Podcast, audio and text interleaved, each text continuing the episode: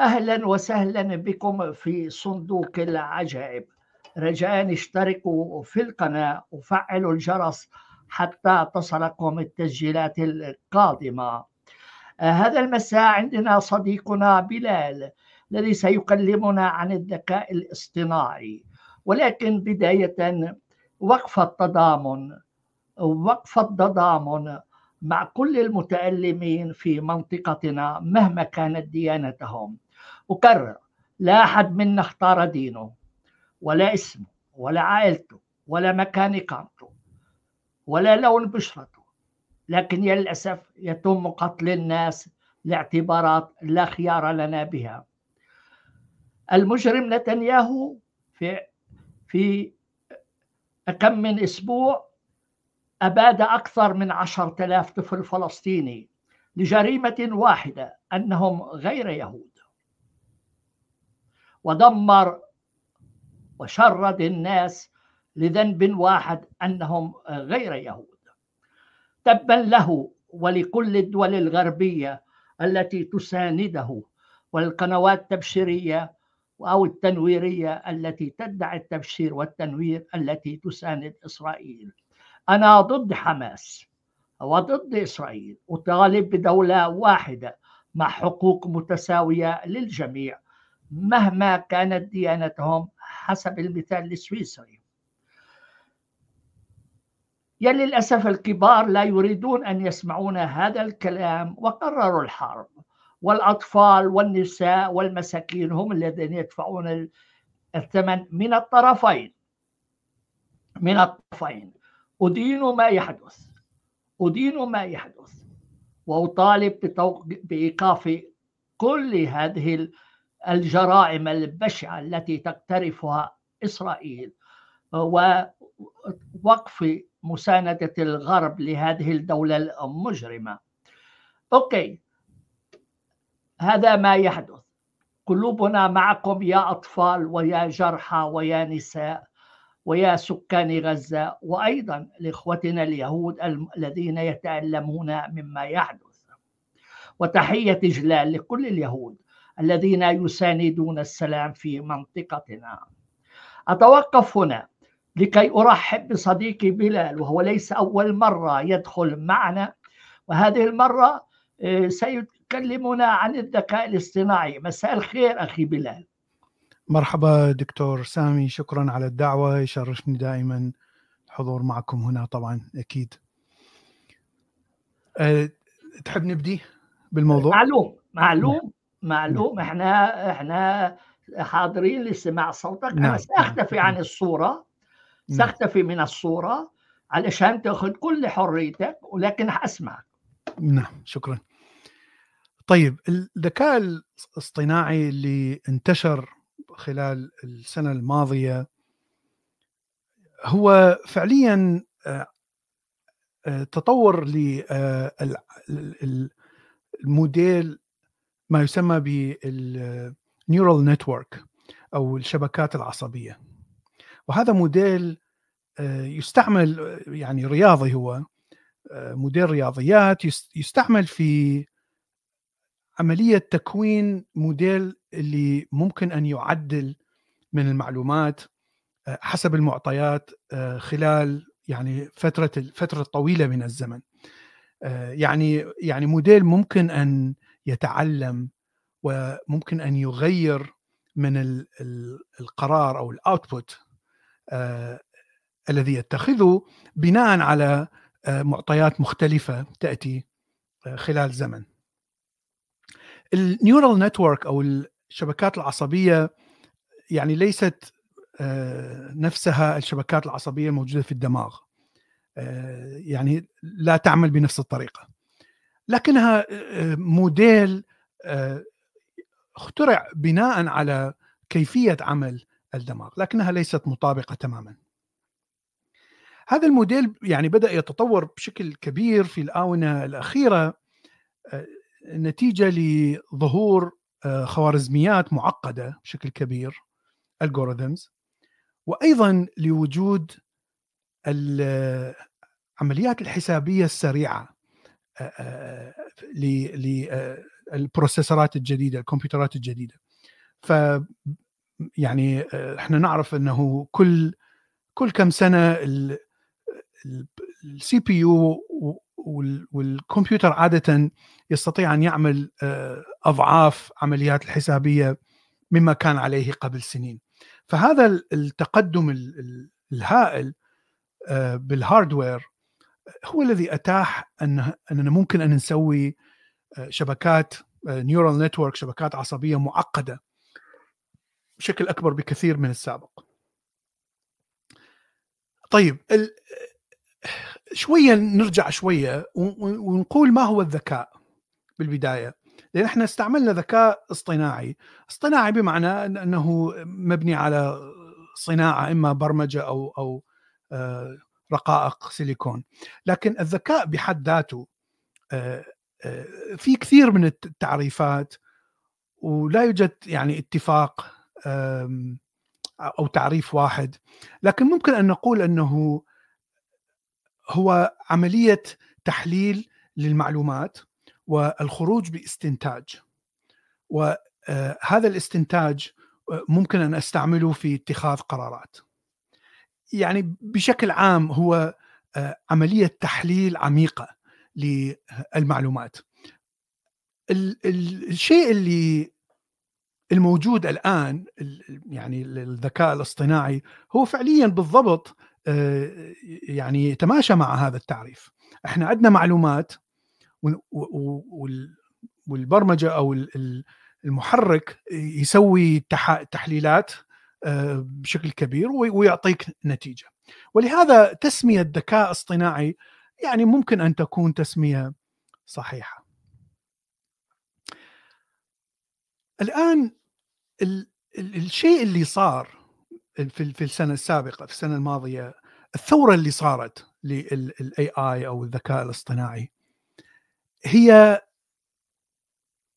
بدات بدأت في ال image recognition أو الصورة آه، آه، تحليل آه، صورة معينة وممكن عمل تعديلات على هذه الصورة. يعني هذا كان خط لل للذكاء الاصطناعي وهذا يعني بدأ منذ سنوات عديدة منذ عشر سنوات. بحيث استعمل حتى نقلل مثلا شدة ال noise اعرف ال noise بالعربي يعني النقاط اللي عادة تكون هناك نقاط بيضاء أو نقاط سوداء على الصورة وتقلل من الجودة من جودة الصورة.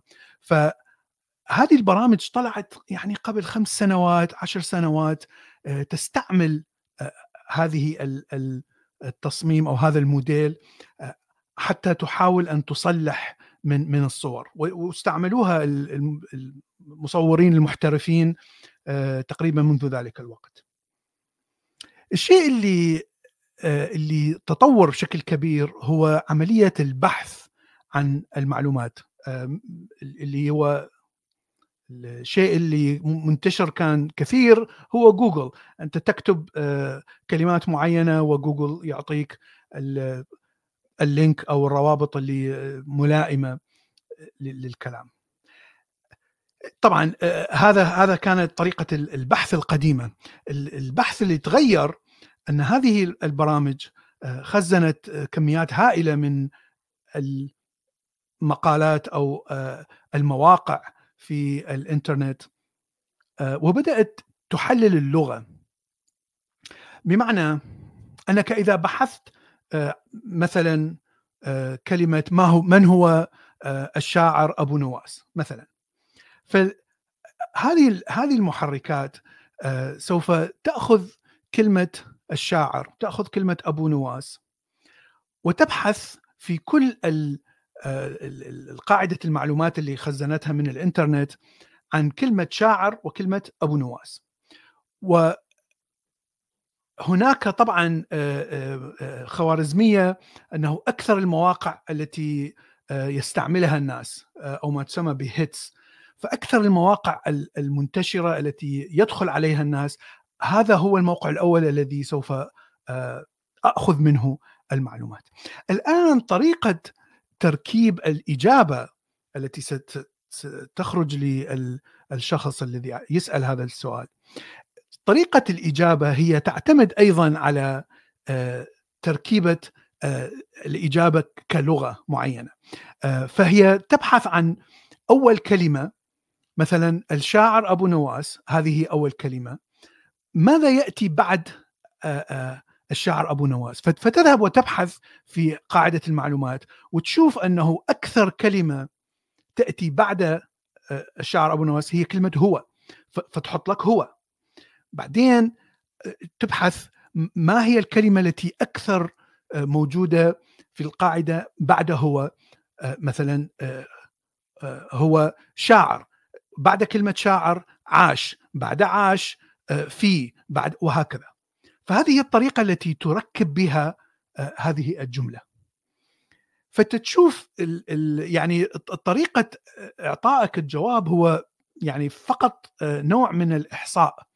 أنا أشوف احتماليات آه، الجملة التي آه، أركب الجمله حسب احتماليات الكلمات التي تأتي من آه، كل المواقع التي تتكلم على أبو نواس. ومن هنا يعني فهو فعلا يعني يعني بحث سوى تحليل عميق وسوى أيضا تحليل معين حتى يركب لك الإجابة لكن الإجابة ستكون جملة آه، جميلة جدا ومتوافقة تماما مع ما يقوله الناس. فعليا لأنها تطابق ما يقوله الناس. في النهاية هي جملة مطابقة لما هو موجود آه، في في خزين المعلومات. فلا يوجد آه، لا يوجد كلمة ذكاء هنا، الذكاء الذي نحاول نطلقه هو فعليا نوع من نوع من تحليل عميق جدا وحتى يرقى إلى آه، الوعي الإنساني. يعني دائما كلمة ذكاء اصطناعي آه، مرتبطة شوية مرتبط ليس كثير لكن دائما ترتبط بالوعي الإنساني باعتبار أن الوعي الإنساني هو ذكاء طبيعي.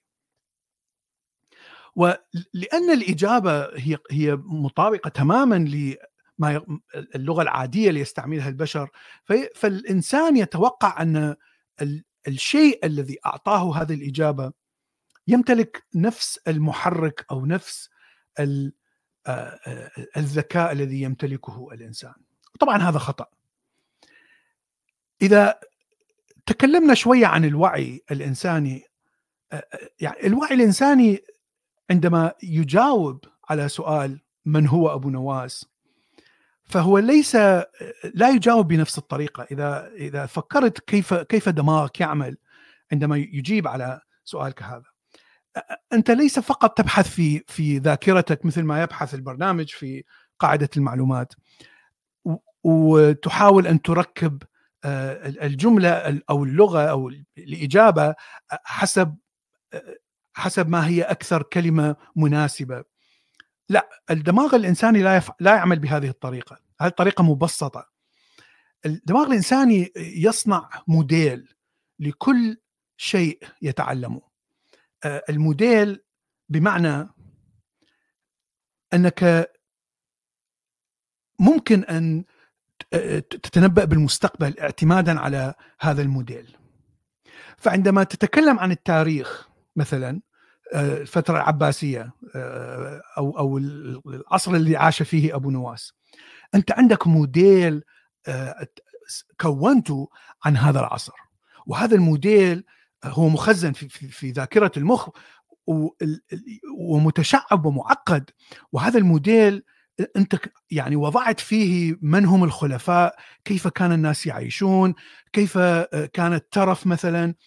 كل القصص اللي سمعتها عن آه، عصر أبو نواس عن شعره عن الترف عن ال ال آه، مثلا الشعر الجنسي الشعر عن الجواري الغلمان الحروب التي كانت آه، مثلا تفعلها الدولة العباسية من هم الضعفاء؟ ثورة العبيد الشيعة قمع الكذا. هذا كله موجود في الموديل. وهذا الموديل أنت تستعمله عندما يجيك سؤال عن أي شيء يتعلق بالعصر مثلا العباسي أو العصر الذي عاش فيه أبو نواس. هذا هذا الموديل غير موجود عند هذه البرامج. عند برامج ال AI أو الذكاء الاصطناعي لا لا تشكل موديل من هذا النوع عندما تخرج بإجابة. إنما فقط تبحث في ذاكرة وتركب جملة اعتمادا على الجمل الموجودة في هذه الذاكرة وتعطيك الجواب.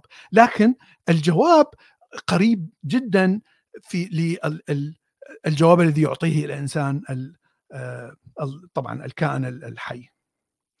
هناك كثير من الأدلة على هذا الشيء. إذا إذا سألت وهناك كثير من آه، الإجابات المضحكة في الحقيقة ل ChatGPT اللي هو انتشر كثير ChatGPT 4 حتى شفت مرة آه، أحد الأمثلة اللي يقول كيف مات أعتقد شاعر آه، ما أتذكر شعر أيضا بوقت أبو نواس. كيف مات أبو نواس في حادثة سيارة؟ فالإجابة كانت آه، ذهب الشاعر أبو نواس مع شاعر آخر ومن ثم أخذوا تاكسي ومن ثم ذهبوا إلى الرصافة ومن ثم صارت حادثة. فتفهم من هذه الإجابة أنه فعليا البرنامج لا يشكل أي موديل آه، للعصر العباسي أو لتصرفات أبو نواس أو لشعر أبو نواس أو أو آه، يعني آه، مثل ما قلت هذا الموديل المعقد الذي يكونه الدماغ البشري. ولهذا لا يوجد شيء اسمه وعي عند هذه البرامج. الشيء الآخر المهم آه، لأنه انتشر بشكل كبير أيضا السنة اللي فاتت انه ممكن أن نصل إلى البرامج ممكن يحصل عندها وعي ذاتي. وهذا أيضا كلام خطأ. وخطأ بنسبة كبيرة ليس خطأ بنسبة صغيرة. طبعا تأثير الميديا وتأثير الأفلام وهوليوود و Terminator والقصص اللي آه، تشرح أنه الآلة صار عندها وعي ذاتي وإلى آخره موجودة منذ منذ العشرينات القرن الماضي. آه، كاتبي آه، قصص الخيال العلمي كثيرين. وهذه الفكرة يعني تكررت بشكل كبير بحيث الناس دائما يفكرون أن الأجهزة سيصبح عندها وعي ذاتي، البرامج سيصبح وكلما يزداد تعقيد البرامج كلما ترجع هذه الفكرة بشكل بشكل سريع. لماذا لا يمكن أن يكون هناك وعي ذاتي لهذه البرامج؟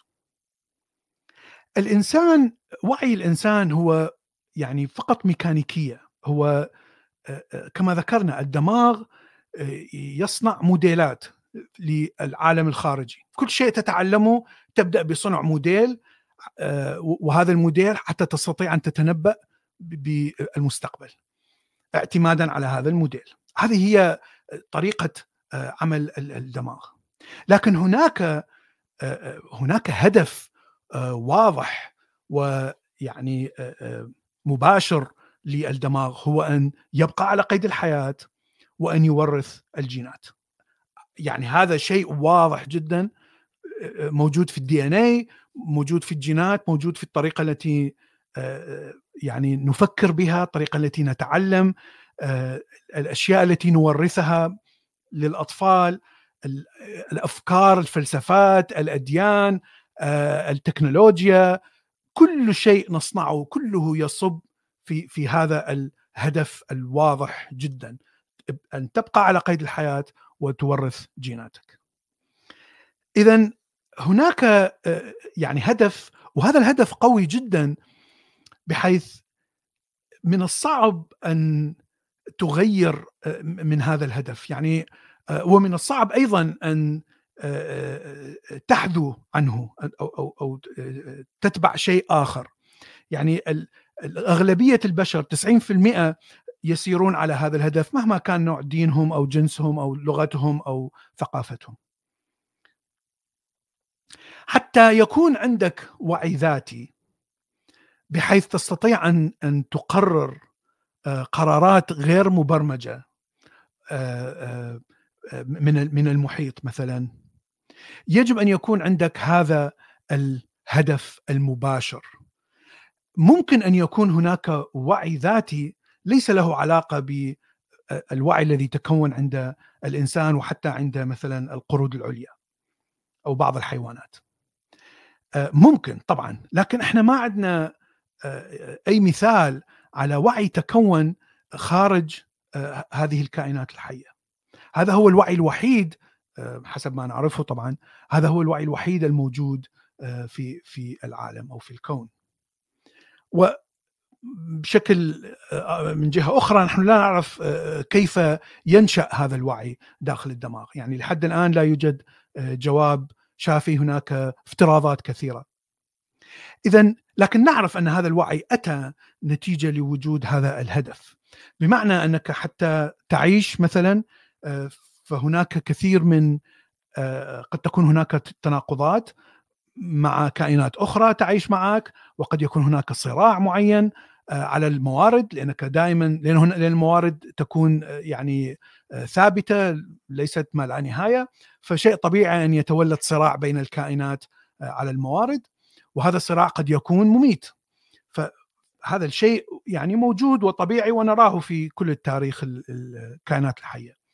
اذا الصراع و الغريزة التي تدفعنا حتى نعيش ونورث الجينات هذا هذه التشكيلة طورت الوعي.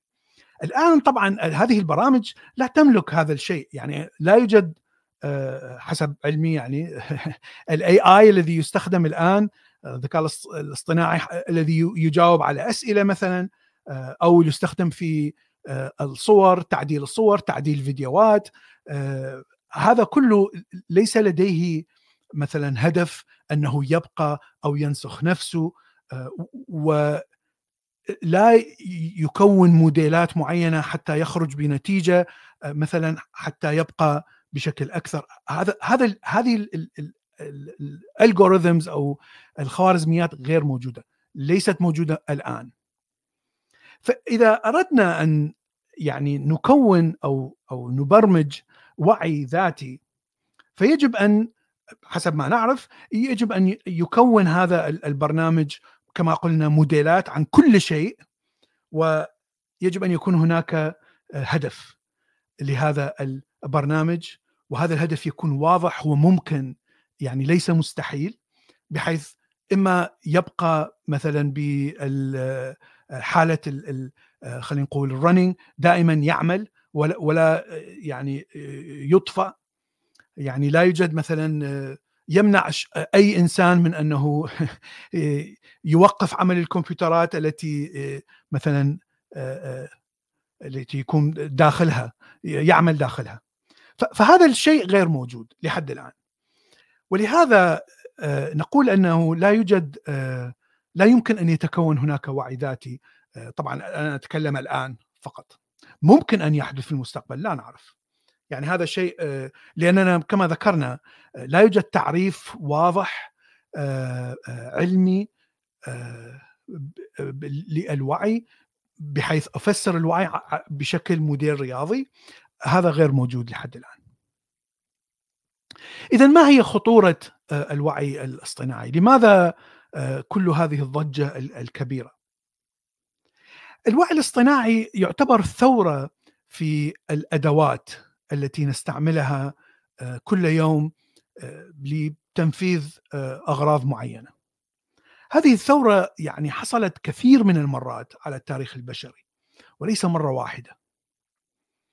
في كل فترة من من التاريخ التقدم العلمي أو التقدم التكنولوجي هناك دائما تغير شديد في ديناميكية المجتمع هناك دائما يعني جوبز أو أعمال تكون تتأثر بشكل سلبي بهذا التقدم العلمي أو التكنولوجي وقد يؤثر على أغلبية المجتمع بحيث أغلبية المجتمع يفقدون أعمالهم بسبب هذه التكنولوجيا الجديدة.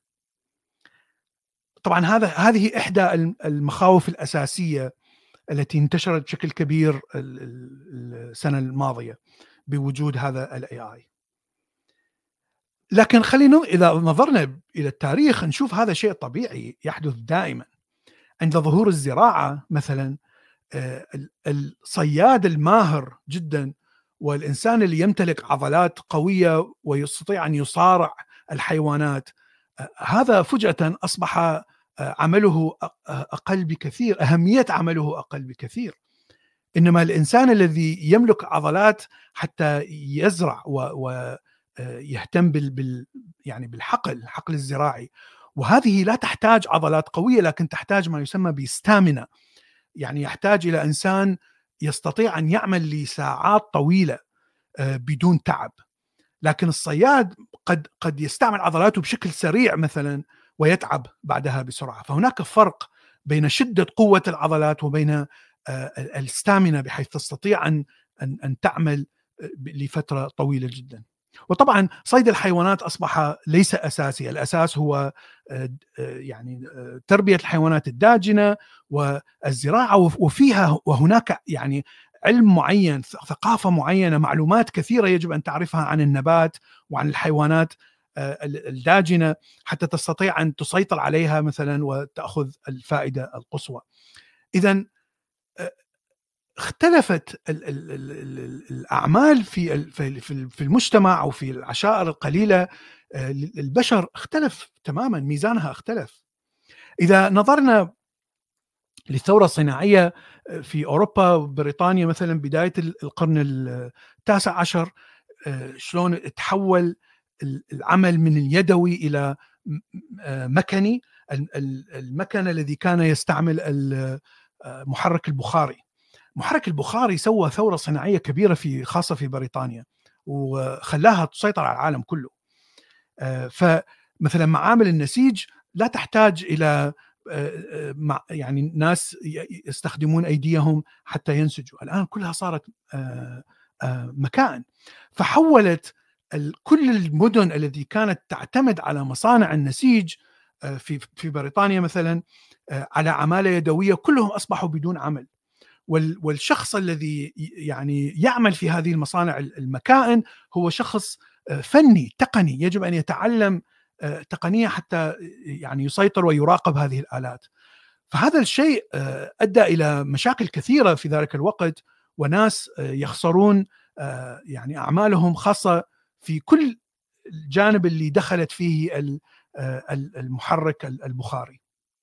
طبعا نحن نعرف أن عندما أتت السيارات الانتقال عن طريق العربات والأحصنة والجمال وهذا كله أيضا انتهى.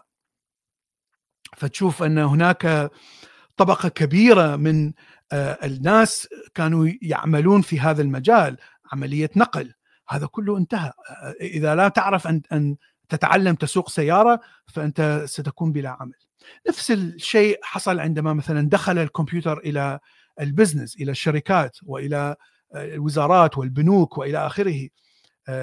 كان هناك يعني department أو مكان يسمى بالأرشيف.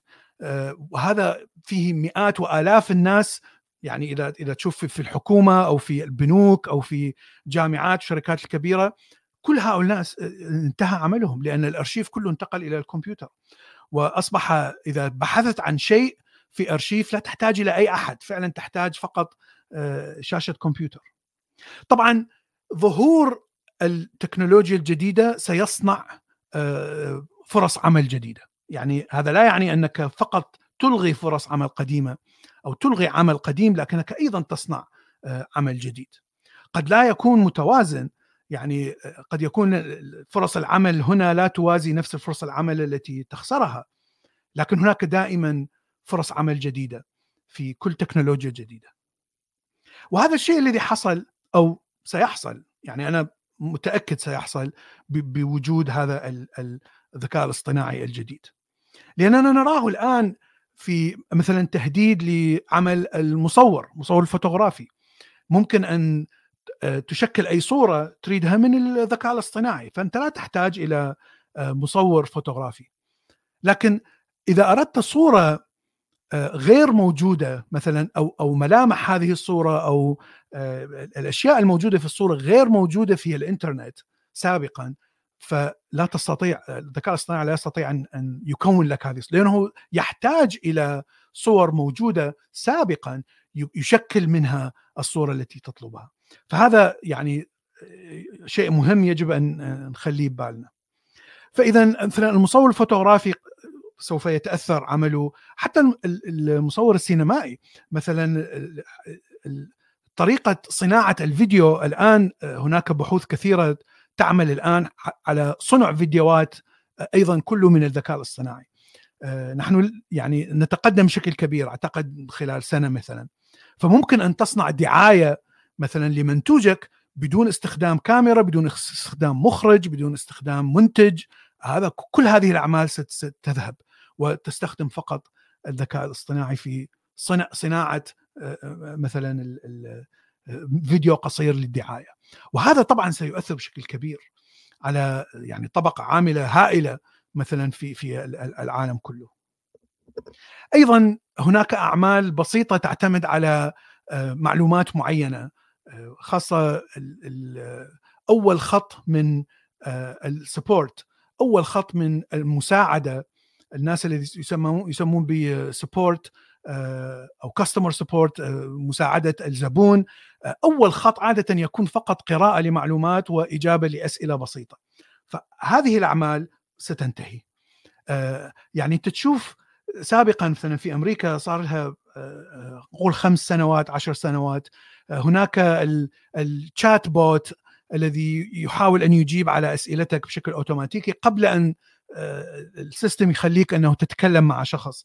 عادة ال chatbot يكون غبي جدا واجابته يعني 90% غير صحيحة وغير مفيدة. لكن آه، أعتقد الآن مع هذه ثورة ال AI آه، سيكون ال chatbot فعليا مفيد جدا جدا.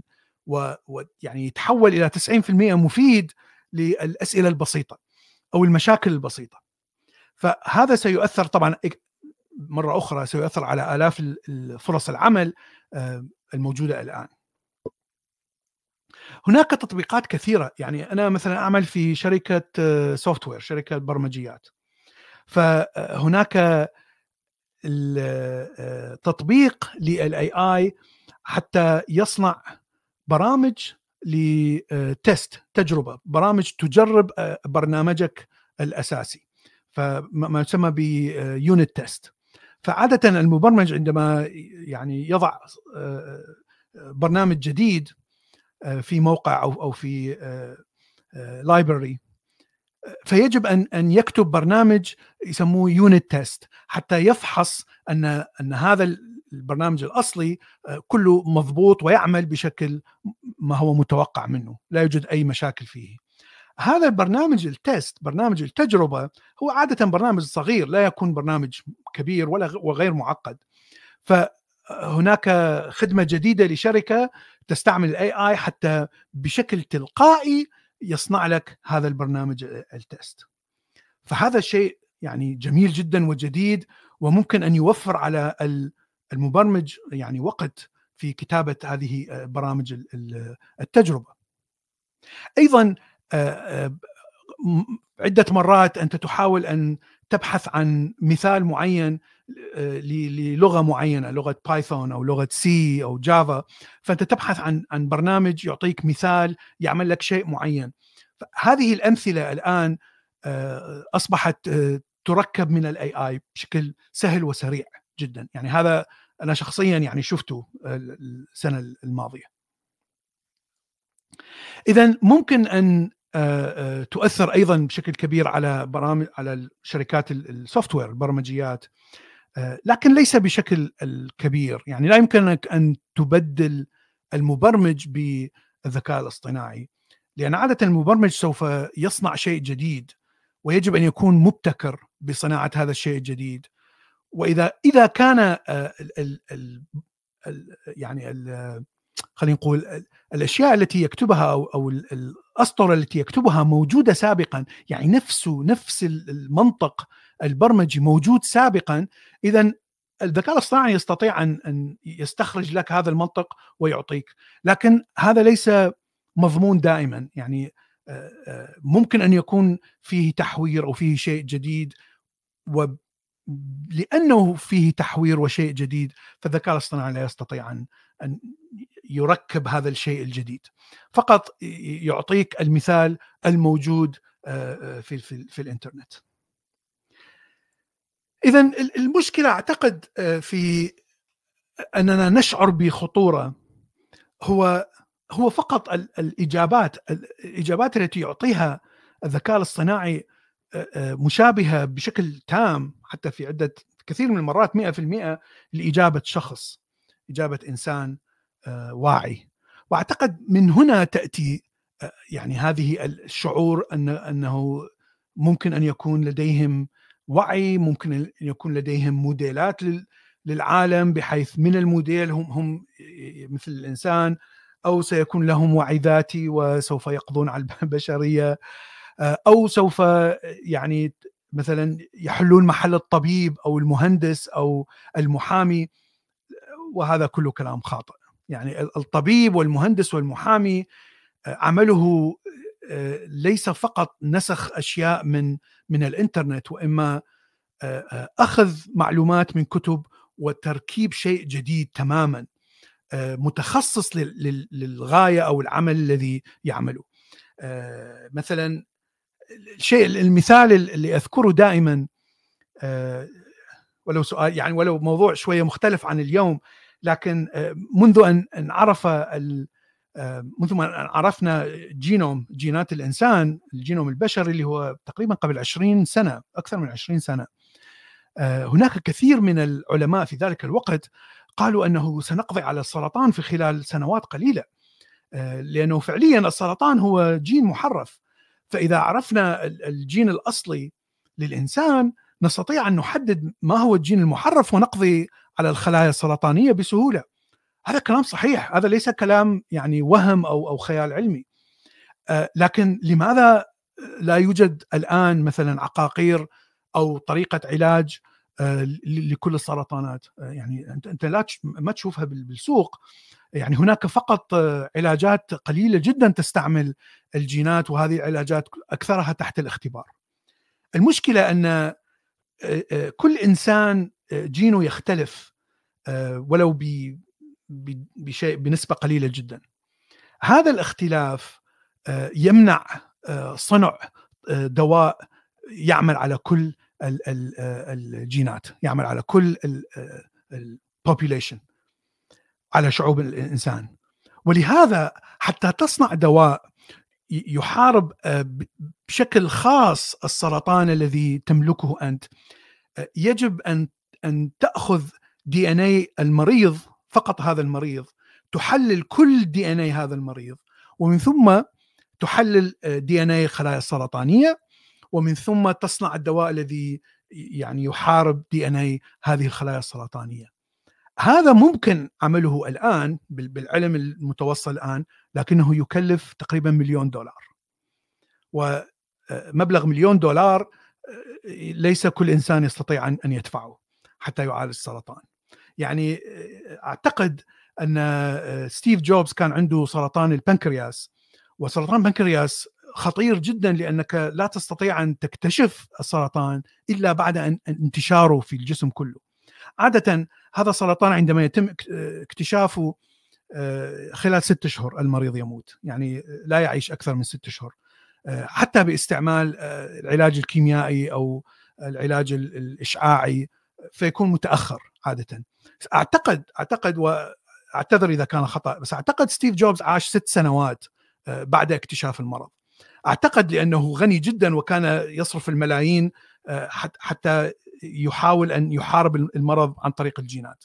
لكن مع هذا يعني أيضا فشل وطبعا توفى بالسرطان. فهنا وهنا أنا أعود إلى إلى فكرة الذكاء الاصطناعي أن حتى حتى فعلا آه، تصنع آه، وعي وعي بمعنى الوعي الصحيح آه، فهناك موديل معقد جدا آه، ويجب أن يكون متخصص بشكل كبير هذا الموديل في موضوع معين آه، حتى يعطيك مثلا جواب بناء على الوعي. لكننا لا نرى هذه الأشياء هنا من السهل على الإنسان أن يخدع لأنه إحنا يعني مبرمجين على أن دائما نستعمل أدوات معينة حتى نعرف مثلا نية الشخص المقابل من من الكلام من طريقة الجواب إلى آخره. فنحن نستعمل هذه التكنيكات البدائية عندنا حتى نعرف مثلا هذا الشخص هل هو عدائي هل هو يعني غير عدائي إلى آخره. فعندما نرى جواب من الاي اي فنفس الميكانيكية تعمل داخل الدماغ ومن ثم نحن نعتبر الجهة التي أصدرت هذا الكلام جهة واعية. طبعا وهذا خطأ. هو فقط خداع يعني أنت فقط خدعت دماغك لا أكثر ولا أقل. فهذا هذا ما كان عندي اليوم دكتور أوكي شكرا على هذه المداخلة الرائعة. أنا سأفتح الحوار للجميع. من يريد أن يسأل فليسأل ويهمني ذلك وأنت تتكلم عن أبو نواس أنا سألت جوجل كيف مات أبو نواس شنو إجابتي؟ أنا يعني ما جاوب ما قلت له إنه إنه يعني إيه إيه شو كان الجواب تاعه الثاني شلون شلون مات بحادث سيارة؟ كان لا لا لا, لا ما حطيت نعم. ما حادث سيارة ما حدث نعم. أنا نعم. فقط حبيت كيف مات أبو نعم. نواس. نعم. إيه أهو بيكتب لي بيكتب لي. أبو نواس شاعر عربي البارز توفى في بغداد عام 814 هناك تفسيرات متعددة حول وفاته. الوفاة طبيعية يعتقد أن أبو نواس توفى بشكل طبيعي في دار إسماعيل ابن تويخت في بغداد ودفن في مقبرة الشونزية والثاني التسمم. هناك روايات تشير إلى أنه قتل بالسم بسبب نزاعات شخصية أو سياسية. مم. فهمت علي؟ أنا ما ذكرت السيارة. نعم. لأني أنا حبيت إيه شوف شوف جاب لك الأجوبة الموجودة في الإنترنت بشكل صحيح. فأنت شو أنت إيه. شو قلت لي إيه إيه, إيه كيف مات أبو نواس بالسيارة مش هيك؟ نعم طيب هلأ حكتب لك بالسيارة كيف حيجيني؟ نعم بالسيارة بالسياره أيوه إيه حشوف شو بيكتب لي مم. طبعا خلي بالك شركه ChatGPT دائما تعدل هذه الأخطاء يعني في البداية السنة الماضية كان هناك ملايين من الأخطاء فهم أيوة. فهم يعطوا مجال للشخص اللي يسأل أنه يذكر أنه هذا خطأ أو هذا صحيح أيوه فهم. فهم دائما يعدلون هذه الالجوريثم حسب حسب الأسئلة وحسب المعلومات فهذا الشيء آه. هنا أنا وضعت له السؤال نعم. كيف مات أبو نواس بالسيارة نعم تغاضى تماما عن السيارة آه ممتاز فصلحوها معناها أيوه ما عادش في سيارة في في الموضوع ممتاز. ممتاز. أيوه ممتاز. عاد علي الجواب السابق وج... وأهمل ال... السيارة. كلمة السيارة نعم أيوه أيوه نعم. ممتاز أيوه ممتاز. أنا هلأ ممكن أكتب سؤال آخر إيه إيه إيه هل مات أبو نواس بحادث سيارة؟ هل مات أبو نواس بحادث سيارة؟ هذا قد طيب، يكون أسهل جوابه حادث نعم. سيارة أنا أعطيني بس بس دقيقة دكتور سامي تفضل تفضل نعم. شكرا تفضل أيوه إيه فأنا كتبت له السؤال هل أبو نواس مات بحادث سيارة؟ قال لي انتهت حد الاسئله ما عادش يجاوبني ما عادش يجاوبني قال لي سوري you have reached the limit of messages you can send to Bing within 24 hours. Check back soon. فاهم علي؟ يعني وجد له حيله وجد له حيله على على كل مو مشكلة. يعني منيح إنك يعني نبهتني هذا الموضوع. حلو جدا. وعلى فكرة في صديق لي عمل كتاب عن سيرة السيد المسيح من خلال الذكاء الاصطناعي. احكي لي قصة السيد المسيح. سأل بعرفش التشات هذا البرنامج الخاص. ونشر كتاب في هذا الموضوع. ونشر كتاب عن سيرة المسيح يعني طويل عريض كيف يجيب؟ بعدين قال لي طب أنا هعمل برضو عنك عني أنا عني أنا.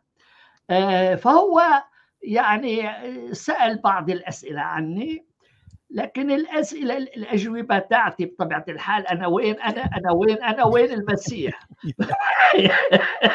هو هو يعتمد على المعلومات الموجودة في الإنترنت. صح. فهو راح جاب له كل المعلومات الموجودة بويكيبيديا عني ومعلومات أخرى. ووضع لي اياهم أربع خمس صفحات. يعني نعم. ما بيستحق تعمل كتاب. نعم. اما إذا تسأل السيد المسيح عن السيد المسيح هناك ملايين من من المواقع معلومات نعم. فهمت علي؟ فيعني نعم. هذا مثال جميل للموضوع هذا أنا أنا شفت حتى هناك باحثين نشروا مقالات علمية بناء على ذكاء اصطناعي فقط يعني وهمية كلها وهمية أيوه لأن الذكاء الصناعي يكون لك جمل ويعني paragraph صحيحة وتشبه بشكل كبير ال paragraph العلمية الصحيحة. وهذا فنسبة النصب بالمقالات العلمية زاد بشكل كبير من السنة الماضية وهذه السنة عن الطبيعي.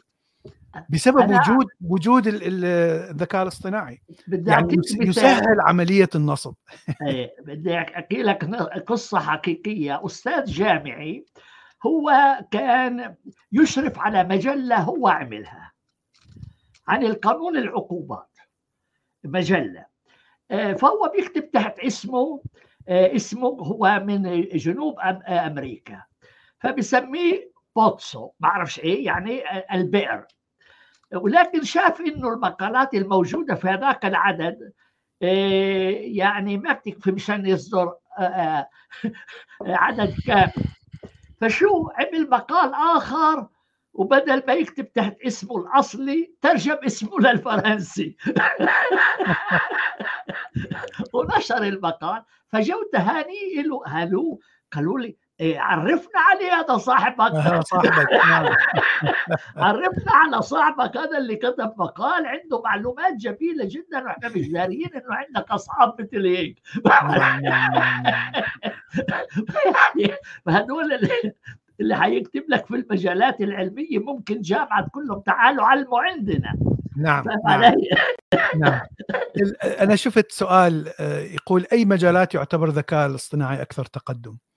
أيوة. أي أي مجال يعتمد على تحليل آه، معلومات كبيرة معلومات كثيرة يعني أيوة. عندك ملايين من ال من ال آه، يعني الصفحات أو المواقع أو أو البحوث أو الكذا فأنت أنت أنت تعمل بحث يعتمد على كل هذه المعلومات هذا المجال ال AI يكون فيه متقدم جدا وممكن أن تستغله بشكل جميل. مثل مثل عندما تبحث في الإنترنت. هذا أفضل مثال. الإنترنت ملايين وملايين من المواقع. إذا أريد أبحث عن معلومة معينة فقط من خلال جوجل قد يعني أصل إلى هذه المعلومة. هناك نسبة كبيرة أصل إلى هذه المعلومة لكن راح تأخذ مني وقت إذا كانت معلومة يعني متخصصة. فممكن أن تأخذ مني ساعات أو أيام لكن لكن سأصل. الاي اي يستطيع أن أن يعني يجيب لي هاي المعلومة خلال ثواني. فهناك نعم. فرق هائل ما بين ثواني وما بين أيام. نعم. فهناك كثير من المجالات العلمية اللي تعتمد على نفس الفكرة. المجالات العلمية التي ما تعتمد على قراءة أو تحليل معلومات كثيرة ما راح تتأثر بشكل كبير بال AI okay. نعطي الكلام لأخي عبد الرحمن وبعدين لأخي حميد بن حمو اللي كان مريض ورجع لنا. نحن مسرورين برجوعه.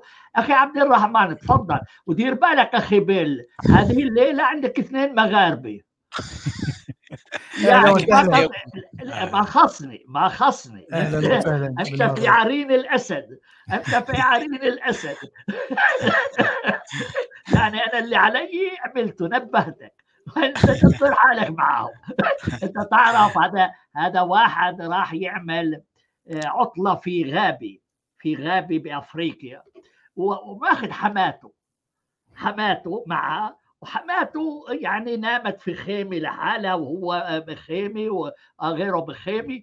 جاء واحد نبهه وقال له يا سيدي انتبه انتبه هذا أسد دخل عند حماتك. قال له أنا قلت له يدخل يدبر حاله.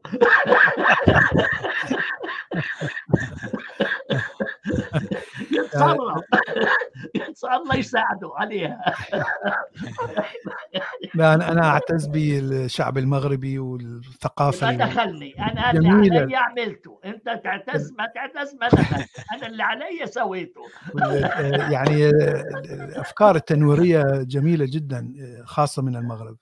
إيه إيه جميل جميل. يلا أخي عبد الرحمن تفضل. شكرا نبيل الانسانيه الكريم الدكتور سامي وشكرا لك والله يعني شو أقول يعني من باب يعني هذا الشعور هو اللي الذي يتحدث.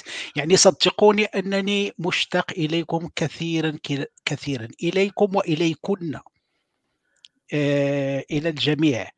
أنا فقط لأنه كنت مشغول جدا جدا وكنت في سفر. في حل وترحال ولهذا السبب. وكل الشفاء لصديقنا الأستاذ بن حمو. وقبل هذا كله كل الشكر لضيفك الكريم لأنه بالفعل إنسان تنويري رائع جدا وقناته جميلة جدا جدا جدا ورائعة. ولديه سلاسة في في الحديث وطريقة في يعني في في إيصال المعرفة إيصال المعلومة يعني جذابة جدا ورائعة. أنا هنا سوف يعني أتعرض لمداخلته من زاويتين. الزاوية الأولى قانونية أما الثانية فمهنية يعني محض يعني فقط من باب من الجانب المهني باعتباري مترجم. أنا اشتغلت في شركة أكيد الدكتور الأستاذ الرائع يعني أستاذنا هنا بلال يعني يعرف شركتين أنا اشتغلت فيهما Cognizant و Accenture نعم آه. وفي المشروع نعم. آه. و Accenture خاصة اشتغلت فيها نعم. أطول مدة هنا في البرتغال. وشركة رائعة رائعة جدا وأعطتنا دروس في ال artificial artificial intelligence blockchain data وإلى آخره إلى آخره. يعني كان في 12 12 topic topics وكان جيد جدا واستفدت كثيرا. وأنا يعني وقبل ما أشتغل فيها كان لدي حيرة يعني قانونية. كيف أن الذكاء الاصطناعي يعني يسرق منا معلوماتنا طبيعي عبر حينما نتحدث ونحن بجوار الجوال. مثلا مثلا ثم نجري بحثا في الجوجل في جوجل فإذا بالمعلومة ذاتها يعني يعني تظهر يعني تظهر لنا بطرق معينة وهذا معروف الناس كلهم يعني خاصة في عالمنا هذا المصاب بال يعني ب يعني الملوث الملوث. بالسحر والشعوذة والأفكار يعني العقلانيه وإلى آخره. الناس تقول سبحان الله أنا كنت كنت أتحدث عن الموضوع فإذا بي يظهر هنا إلى آخره. الناس لا تعرف. بعد ذلك لما اشتغلت في الشركتين صرت بفهم كيف يعني كيف هذا الكولكت ديتا وهذا الأمر استجماع المعلومات كيف يتم وإلى آخره. فانا من الناحية القانونية هذا الأمر أنا بعتمد طبيعي هم بيعملوا إجراءاتهم القانونية واحتياطاتهم وكل شيء. من الناحية الإنسانية والقانونية أعتبر هذا اجرام في حق الإنسان. كان لازم يعني آه، الإنسان لازم آه، احترام خصوصيته. كان لازم احترام خصوصيته وكان لازم تكون هناك صرامة شديدة آه، ضد هذه الشركات. لأنه طبيعي هم بيعملوا إجراءات ولديهم محامون يعني من الطراز الرفيع وإلى آخره يعني لديهم معلومات في تفاصيلها حول قانون كل بلد وإلى مثلما أن لديهم كذلك لوبي. في كل بلد في طبيعي في مجلس الشيوخ والنواب في كل كل من هذه البلدان الديمقراطية إلى آخره. فمن الناحية القانونية أنا أتساءل هل هناك مجال في دولة معينة في دول معينة على الأقل لتحديد هذه السيطرة؟ يعني وهذا يعني آه، هذا يعني كيف أقول؟ يعني هذا الغزو أو هذا يعني هذه السيطرة على الحيز حيز يعني على حرية الإنسان أو الحيز الضيق لك أنت يعني أنت كإنسان لك حيز لك حريتك لك فضاء خاص بك لا يحق لأي شركة لأي لأي كان أن يقتحم عليك فضاءك هذا. هذه من وجهة نظري هذا هو سؤالي الأول. يعني سؤالي الثاني باعتبارك مترجم. وأخاف على مستقبلي كمترجم. وأنا أشاهد مجال الترجمة يعني صار لديه آفاق آه، شبه ضيقة ويوما فيوم يتكمش يتقلص إلى آخره ويعاني في مجالات معينة. وأنا لا أعترف بأنه آه، آه، الذكاء الاصطناعي قادر على أنه على أن يعوض الإنسان في هذا. يعني ولدي يعني تجارب في هذا الأمر يعني أجريتها مثل الذي أشرتم إليها. يعني كان صديق يستعين صديق معي يعني يستعين بالذكاء الاصطناعي في الترجمة. وكنت دائما أجربه بقول له اكتب جملة كذا وبنضحك بعدين لأنه بيصير ترجمة حمقاء.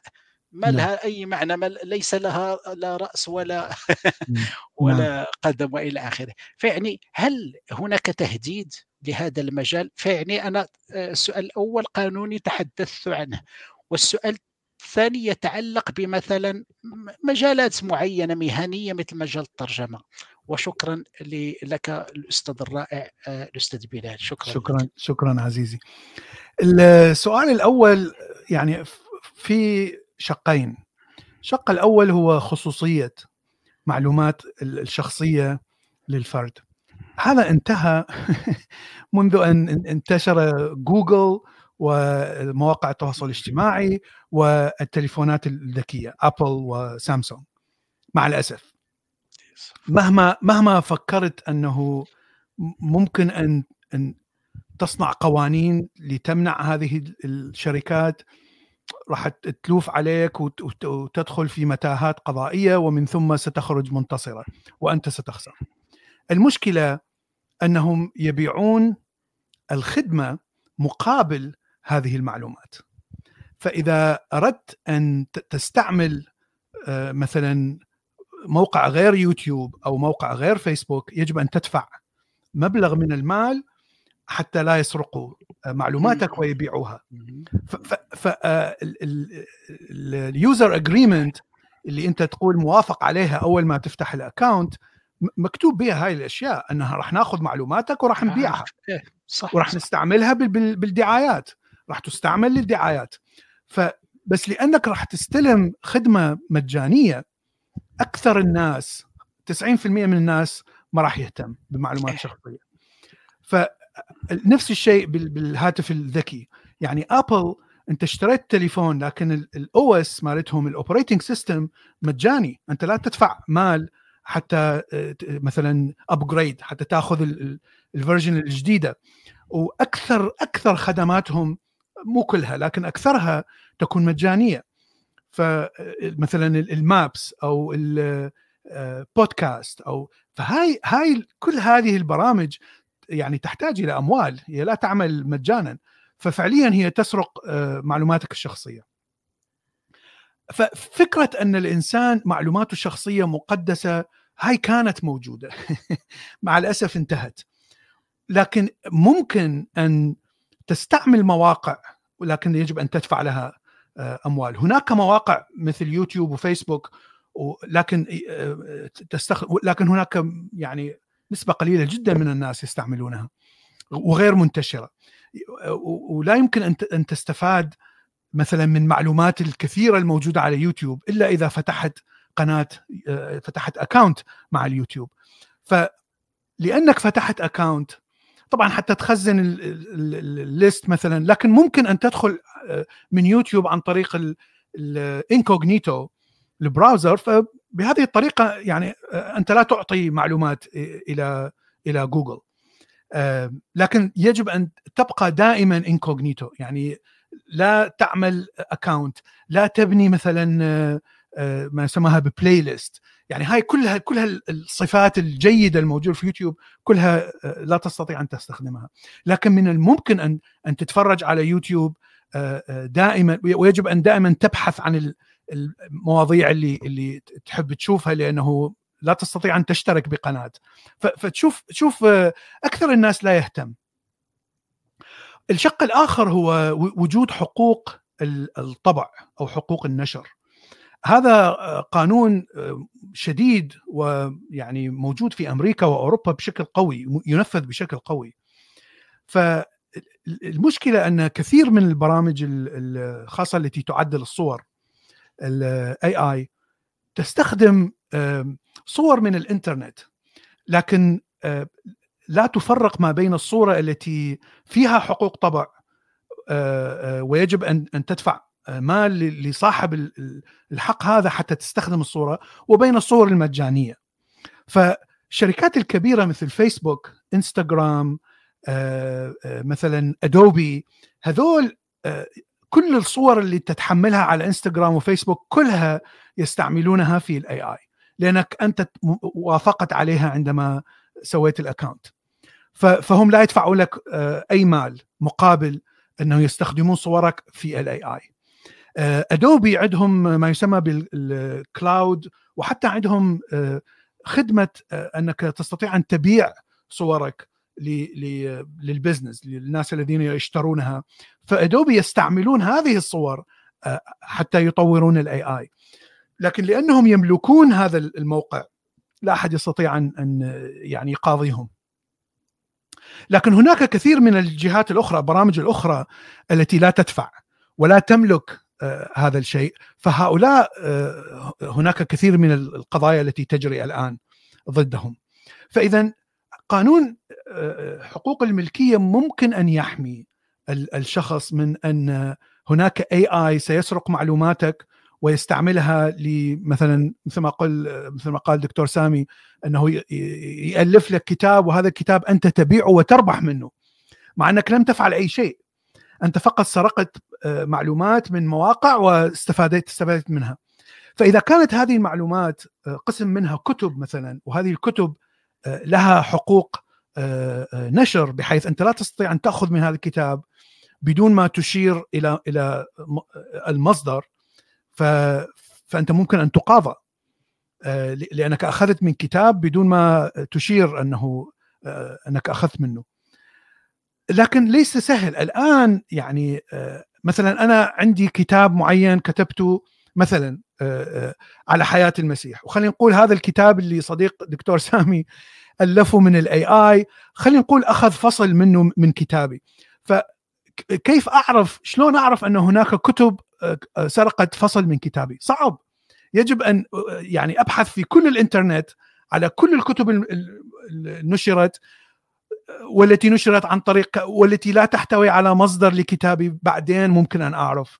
يعني هذا الشيء مثلا يوتيوب.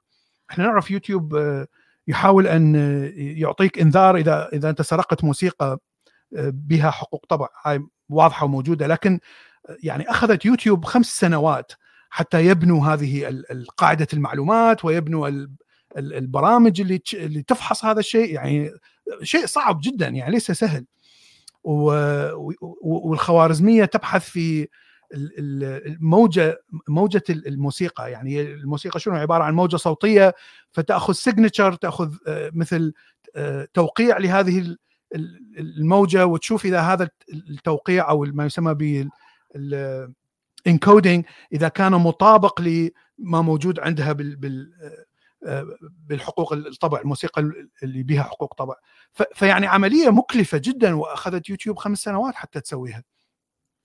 ولهذا راح راح يكون أيضا صعب أنه تفرض آه، هذا الشيء. لكن أنا أعرف أن هناك كثير من القضايا الآن ضد آه، برامج مثل توباز AI يعني أنا أعرف هاي البرامج لأن أستعملها مرات. فاللي اللي تصنع لك فيديو تصنع لك صور اللي تغير بالصور آه، إذا إذا لم تكن آه، طبعا إذا لم تكن ادوبي أو فيسبوك أو انستغرام آه، فراح راح تسرق صور copyrighted فهناك قضايا ضدها.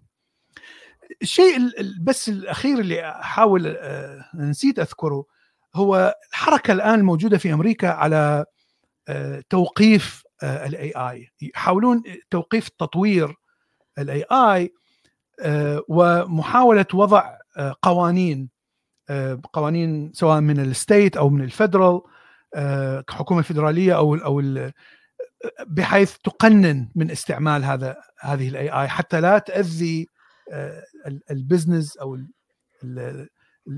مثل ما حضرتك قلت أنت أنت مترجم. ف فيحاولون يقننون من من تطوير ال AI حتى لا يأثر على المجتمع أو أنا أعتقد هذا خطأ. يعني كما ذكرت ال AI هو مجرد تقدم تكنولوجي هائل. وهذا سيحدث سواء كان AI أو شيء آخر. وكل تقدم تكنولوجي راح يأثر على العمل سواء شئنا ام أبينا. فمثلا الآن كما ذكرت صحيح الترجمة ليست جيدة بشكل يعني محترف. لا يمكن أن تكون مترجم محترف. إذا حبيت تترجم كتاب مثلا من الفرنسية أو إنجليزية كتاب علمي كتاب أدبي لا يمكن أن تستعمل جوجل translation لكن إذا إذا رحت على موقع معين موقع حتى وإن كان علمي لكن موقع صفحة واحدة ممكن أن أستعمل جوجل translation حتى أفهم المضمون. هذا ممكن لكن أنا أستعمله بشكل يعني professional وأكسب منه أموال هذا غير موجود. لكن ممكن أن يحدث. يعني لا تنسى عملية الترجمة تحدث يعني ليس مستقبل قريب. أنا أقصد يعني مستقبل بعيد. لأنك يعني عملية معقدة أنك تبني ترجمة لكن بنفس الوقت تكون عالية الجودة بالأدب ويعني بال خلينا نقول الحس الأدبي الحس العلمي. يعني هناك كثير من الأشياء اللي صعبة جدا أن نصنعها بالاي اي لكنها موجودة ممكن أن نعملها بالدماغ الإنساني. وتأخذ طبعا سنوات كثيرة حتى الإنسان يطور هذا الحس الأدبي اللي يستطيع يعني يترجم به كتب بشكل جميل. ف لكن هذا ممكن أن يحدث. هذا لا يعني أنه لا يمكن أن يحدث. ف يعني إذا حدث أو خلينا نقول إذا أثر عليك الآن فأنت ممكن أن تستعمله لمصلحتك. يعني إذا مثلا عندك أنت تترجم كتاب وعندك جملة لم تفهم معناها بشكل صحيح okay خليني أستعمل AI حتى يعطيني ما هي معاني الممكنة لهذه الكلمة. فهذا شيء مفيد. و يعني أنا دائما أستعمل جوجل translation مثلا عندما أسوي فيديوهات حتى أترجم من الانجليزي للعربي لأن قراءتي كله بالإنجليزي.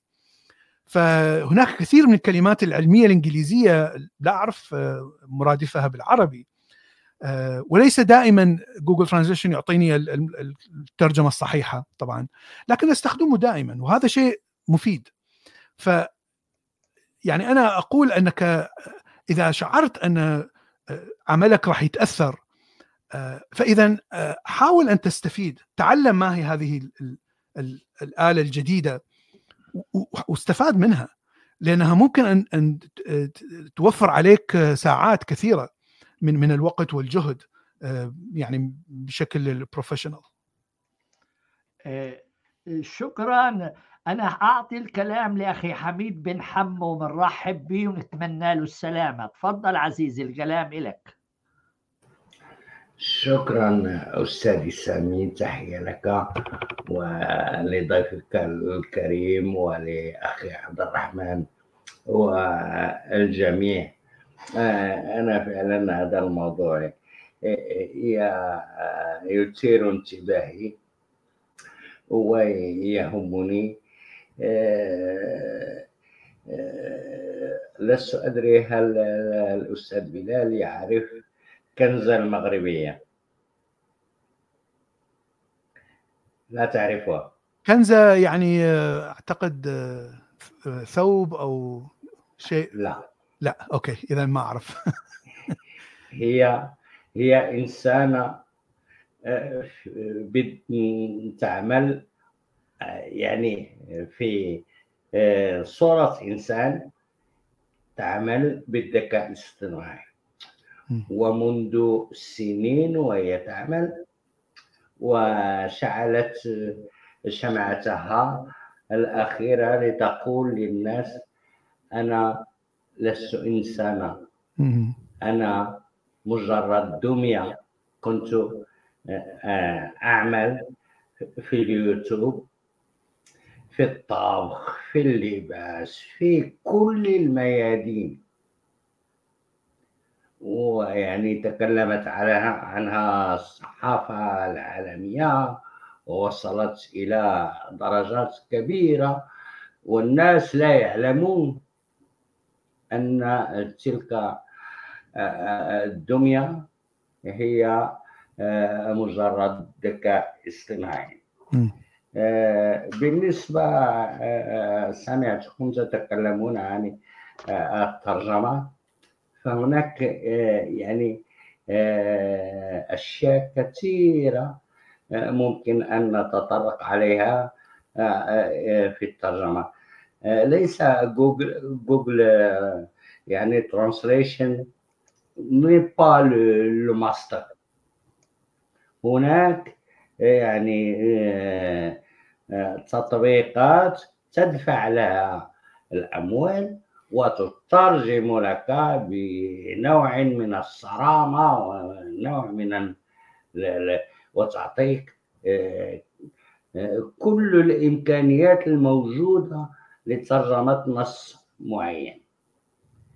لذلك يعني ما هو جاهز وفري يعني ببلاش يمكن أن يكون فيه كثير من الأخطاء وإذا أردت أن تدفع سوف تصل إلى مواقع تترجم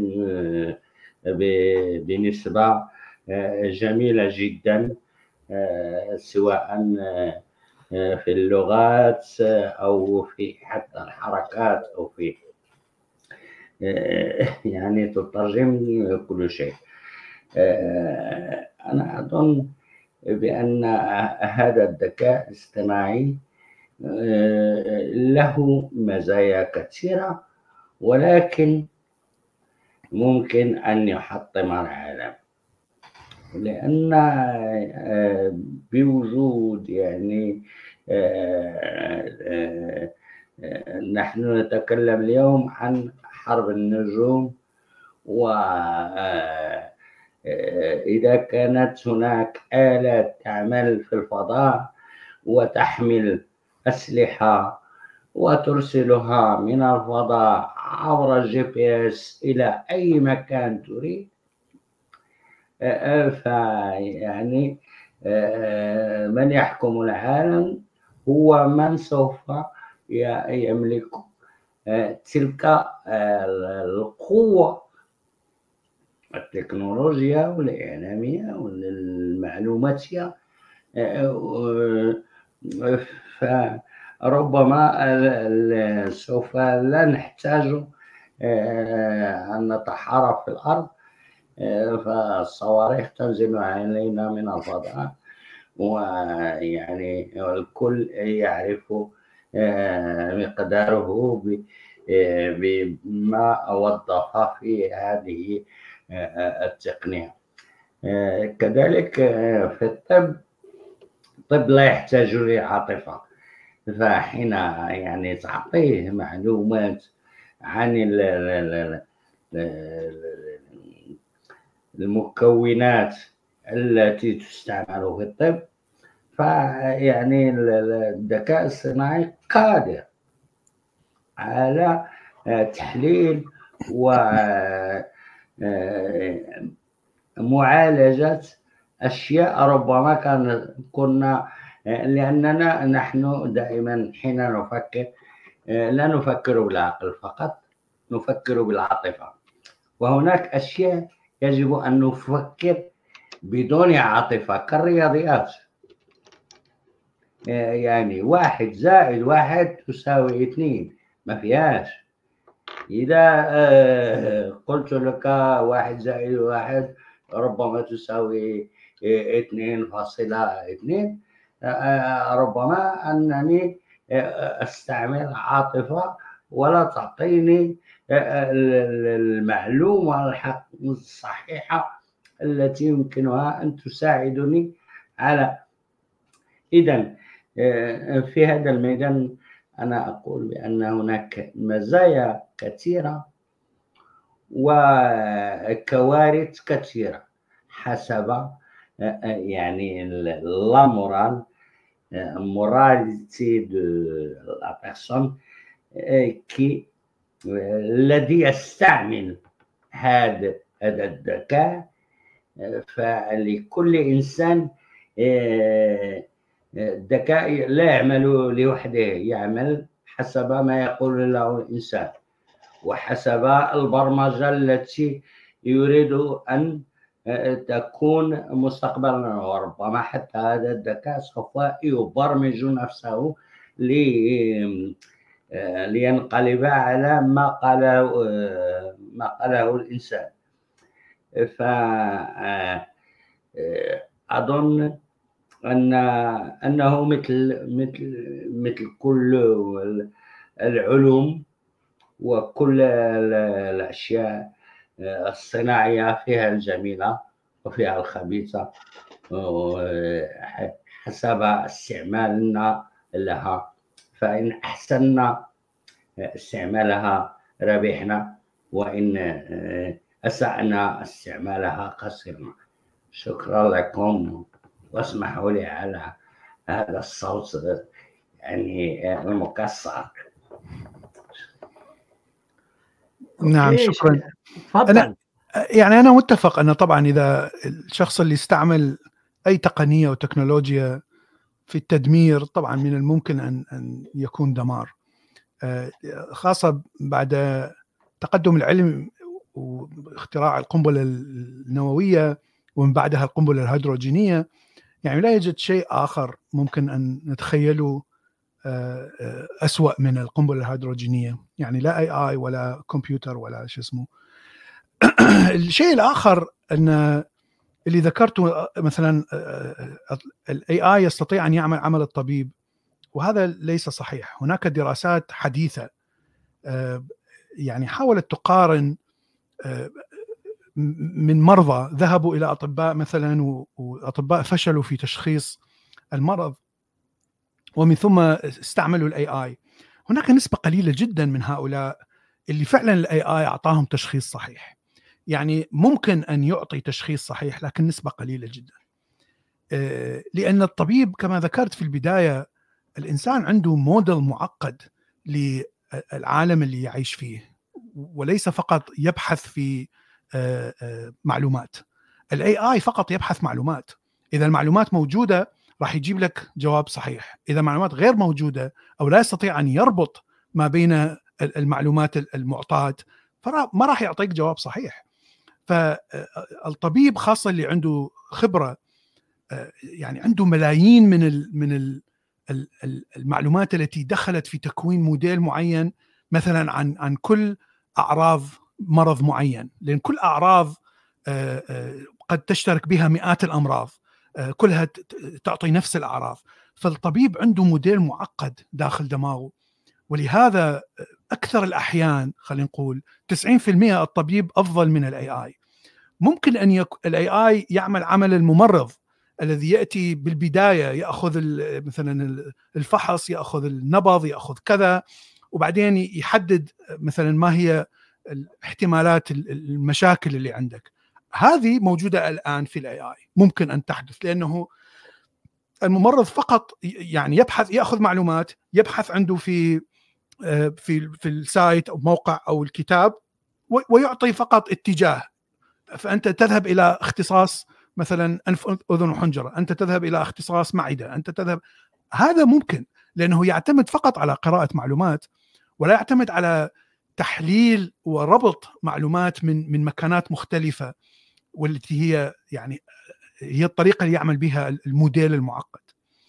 ف يعني أنا أعرف أن الناس يعني يستمتعون بفكرة أن ال AI سوف يحطم العالم وسوف يصير عنده وعي ويسيطر على الناس ونتحول إلى Terminator وهذا الكلام. يعني هو كلام ممتع لأنه خيال علمي ويجذب يجذب انتباه الإنسان لأنه شيء غامض.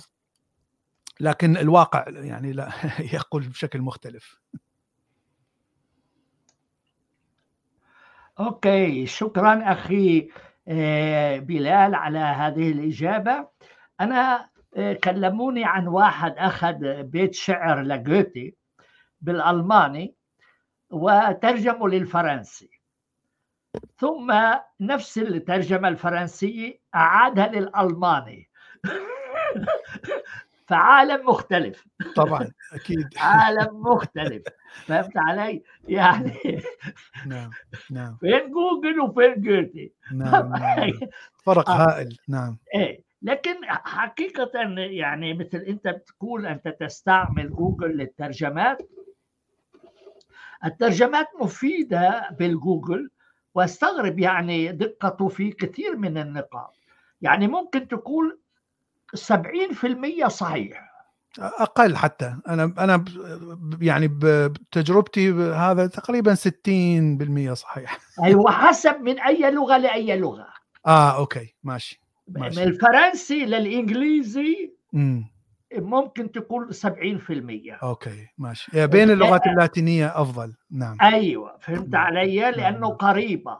نعم. اما من العربي إلى ال إلى ال أو بالعكس أيوه يا. فهمت علي لأنه العربي نفس الكلمة ممكن تعني تعطي عشر معاني نعم صحيح نعم. علي؟ نعم. يعني نعم. بيكفي نعم. إنه حركة تكون فوق حركة تحت إيه غير المعنى كله نعم إيه ف... غير حتى الكلمة بالإنجليزي نعم إيه. نعم. أما إذا تحكي فرنسي الكلمة عامة لها تقريبا نفس المعنى لأنه ما في حركات لأنه كل كلمة عربية كل حرف عربي له حركة. نعم. وإذا نعم. غيرت مكان الحركة يتغير المعنى. يتغير المعنى. وأنت بتعطي جوجل نص غير محرك.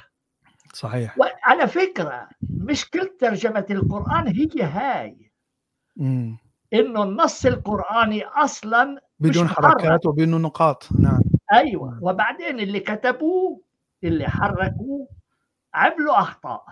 مم. وبعدين أضف إلى ذلك إنه النص القرآني ما فيش فيه لا فاصله لا نقطة لا علامة استفهام ولا علامة تنصيص. فأنت لما تقعد تترجم يعني اللي أنا بقول القرآن المسلمين خدموه أقل مما خدموا كتاب الحيوان لجاحظ للجاحظ كتاب الحيوان للجاحظ تم تحقيقه بصورة رائعة.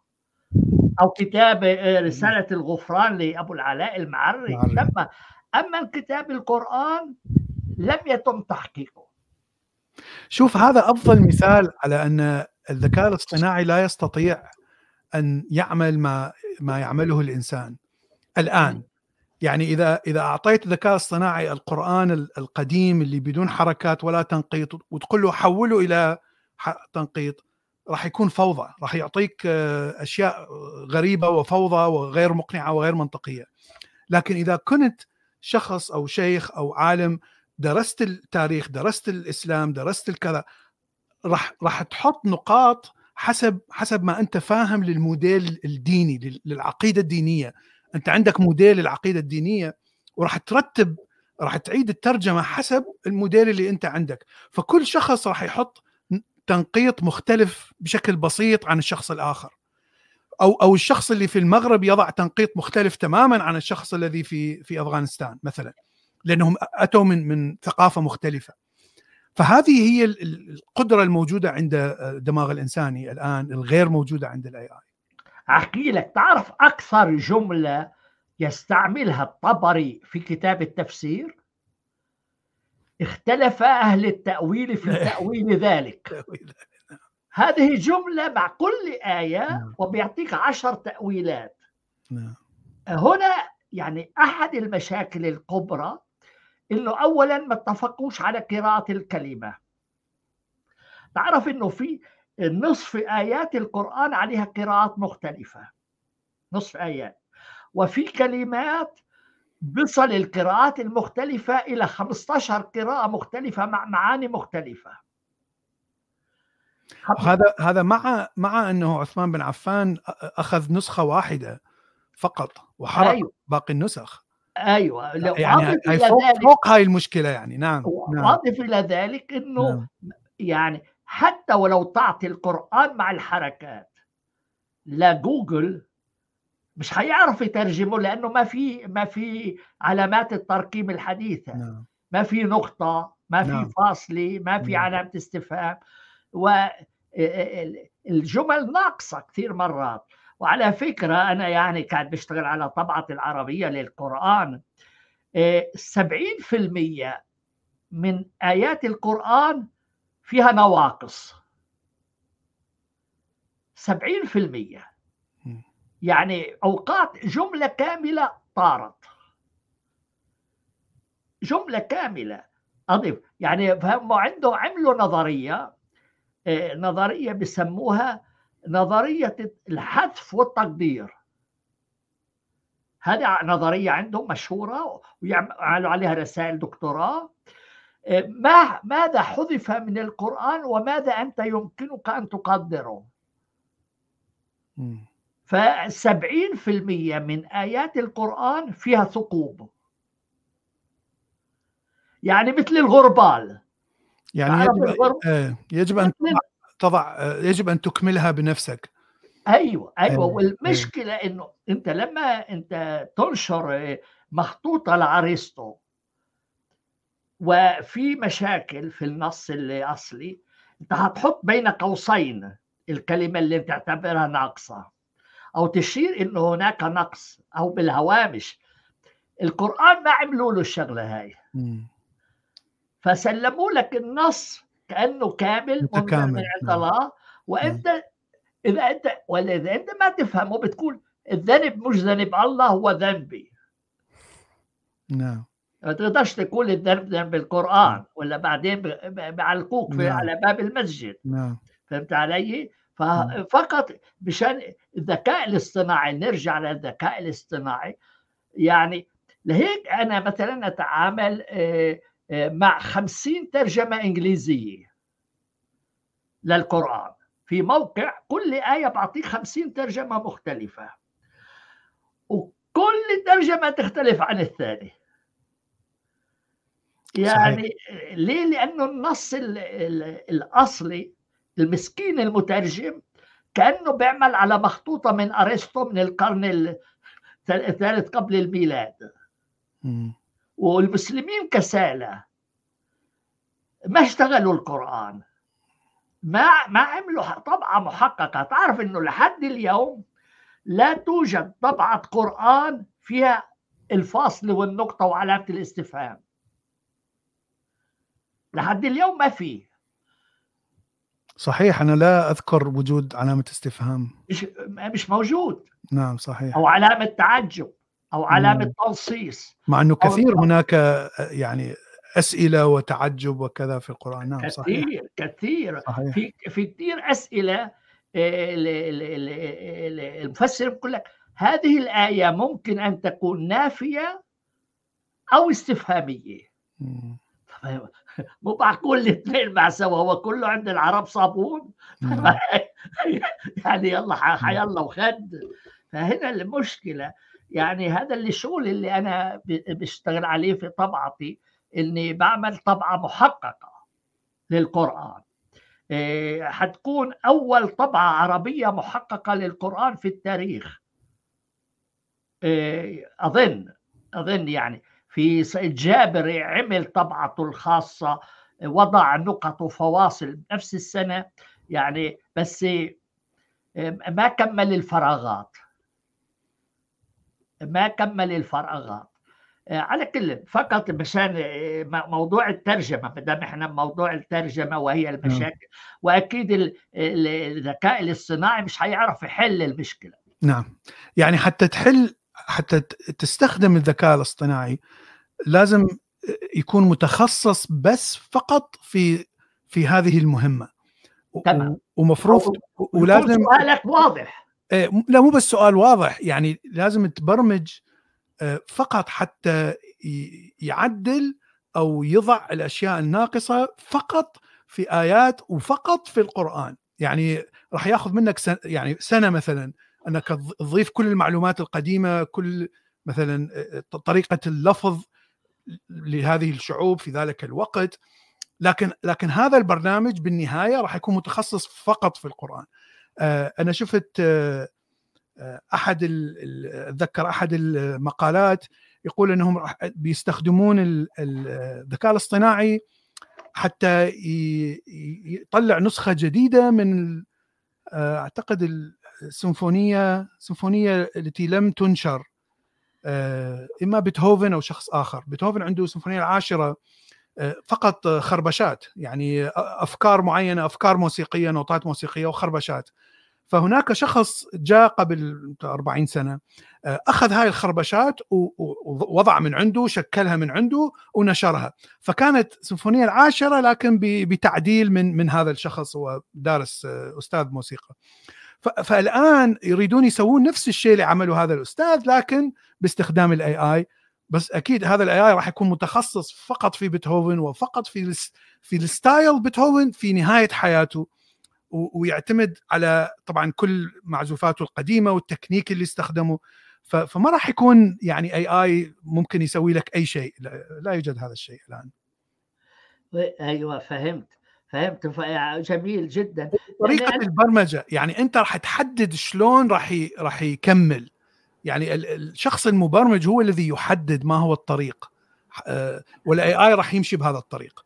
فالفرق أنه الإنسان اللي يعمل يعني إذا ما يريد يستخدم ال AI راح تأخذ منه مثلا سنة لكن ال AI راح تأخذ منه دقائق. يعني هذا هو الفرق بين الاثنين. أيوه هي السرعة. ممكن ممكن فضل. سؤال أستاذي.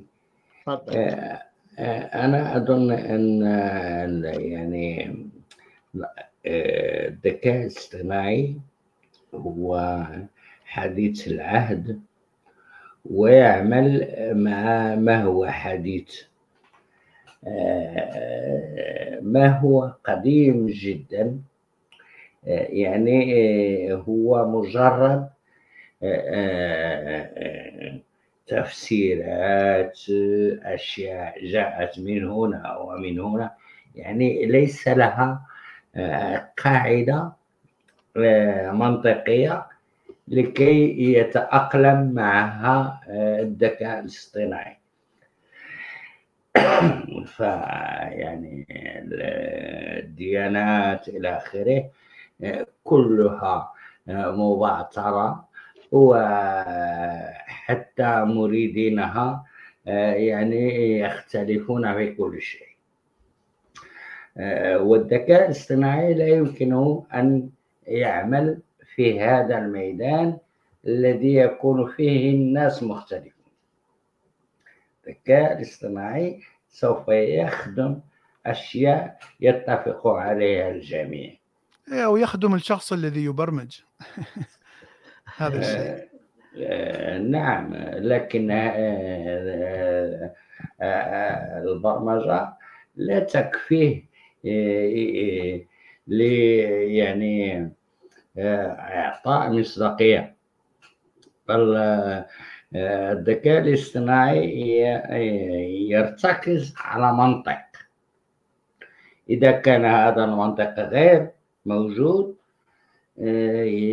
يتوه كما تكلمت عن أبو نواس والسيارة. فلا يمكن أن نسأل الذكاء الصناعي عن أبو نواس والسيارة التي لم تكن موجودة في ذلك الوقت. آه، ربما إذا سألناه عن آه، آه، أبو نواس والحمار أو يعني البغل أو حيوان يركبه الإنسان ربما كان يجد لنا الطريق في التعامل مع أبو نواس لكن إذا يعني قلنا لأبو نواس والطائرة أو السيارة أو الصاروخ فنحن نحن يعني إنه نفسد الذكاء الاصطناعي ونتوهه في متاهات ليس لا يحتاجها نعم شكرا. صحيح. okay okay شكرا لك. إيه شيء ممكن يكون مفيد للذكاء الاصطناعي أن تعطيه مخطوطة عربية قديمة صعب قراءتها. آه، و آه، يعني أنا شفت يعني سمعت إنه بياخذوا مخطوطات قديمة آه، من القرون الوسطى اللي صعب قراءتها وبيحطوها للكمبيوتر. والكمبيوتر بعيد كتابتها. بعيد كتابتها يعني يحققها. أو مثلا أنت ممكن تكتب بإيدك بإيدك شيء وال والكمبيوتر بذاته بيكتب نعم. لك الكتابة حقيقية. نعم. نعم. فأكيد أنت عندك أكثر علم مني بهذا المجال. هل ممكن أن تفيدنا يا أي أي شيء يعتمد على بحث في معلومات كثيرة على النتيجة الذكاء الاصطناعي راح يفيد. ولهذا هو ثورة ثورة تقنية كبيرة. نعم. يعني لأنه لأنه يعني كثير من ال من التكنولوجيا الآن تعتمد على معلومات سابقة تعتمد على بيانات قاعدة بيانات. آه، ولهذا هو ثورة تكنولوجية كبيرة. أكيد أكيد. أوكي هلأ صارت قرابة الساعة ونص إحنا يعني نشكرك على هذه المداخلة الجميلة وطبعا الحال لك الحق أن تأخذها لتضعها في قناتك إيه وآمل إنك تعطيني مرة ربع ساعة ونص ساعة تشرح لي كيف نعمل إنه الحلقة تكون بين آه بس على القناة نعم نعم, نعم. لأن ماشي. هذا ما بعرفه هذا مهم ماشي ماشي. مهم لي نعم. إيه وبعدين أنا كمان عندي مسألة فنية أخرى إيه لكن إيه مش عايز أحكيها بالعام. إيه لأنه مش عايز اخذ من وقتك. فأنا أشكرك. مسك الختام لك دقيقتين ونخلص. شكرا طبعا دكتور سامي. ختاما كما ذكرت الذكاء الاصطناعي هو ليس سحر ولا سيتفوق على الإنسان ولا سيصبح عنده وعي هذا كله خيال علمي. الشيء اللي راح يحصل كما ذكرنا هو هو تقنية هو ثورة تقنية. في في البحث عن المعلومات خاصة معلومات كثيرة جدا. وقد يوفر عليك أشهر أو أو حتى سنين من من العمل اليدوي. يعني يعني فهذا ولهذا نعتبره آه، ثورة. لكن ليس فقط في البحث. يعني آه، آه، هناك أيضا اي اي في تعديل الصور في تعديل الصوت في تكوين فيديو في يعني أي شيء أيضا يعتمد على المعلومات السابقة حتى يكون معلومات جديدة. فأنا أقول أن هو يعتبر مثل أداة جديدة فيجب أن نستخدم هذه الأداة يجب أن نستفاد منها بدلا من أن نخاف منها ونحاول أن نضع قوانين تحد منها. يعني هذه أعتقد هذا الطريق خاطئ. آه، يعني اي أي تقدم تكنولوجي ممكن أن يخدم أكثر مما آه، يضر بالمجتمع. أكيد. هو مثل السكين ممكن تستعمله للطبيخ ممكن تستعمله لقطع إيدك. للقتل نعم. أو أو لقتل أحد. فيعني هو أي شيء ممكن تستعمله للخير وللشر. نعم. آه، فأنا شاكر تواجدك معنا. ونطمع في رجوعك إلينا. ولما يكون عندك وقت آه، حدد لي وقت أنت عندك عنوان الإيميل. أي. أنا ما بعرف شو وقتك. وأنا آه، ما عندي شغل يعني. أنا قاعد نعم. ليل نهار ما بسوي ولا أي شغلة. نعم. فاهم علي ما عندي أي شغلة. نعم. بالخدمة. okay. آه، شكرا. أشكر الجميع على تواجدكم. و آمل تشتركوا في القناة وتفعلوا الجرس وتعملوا like رجاء ليس اجبارا. مع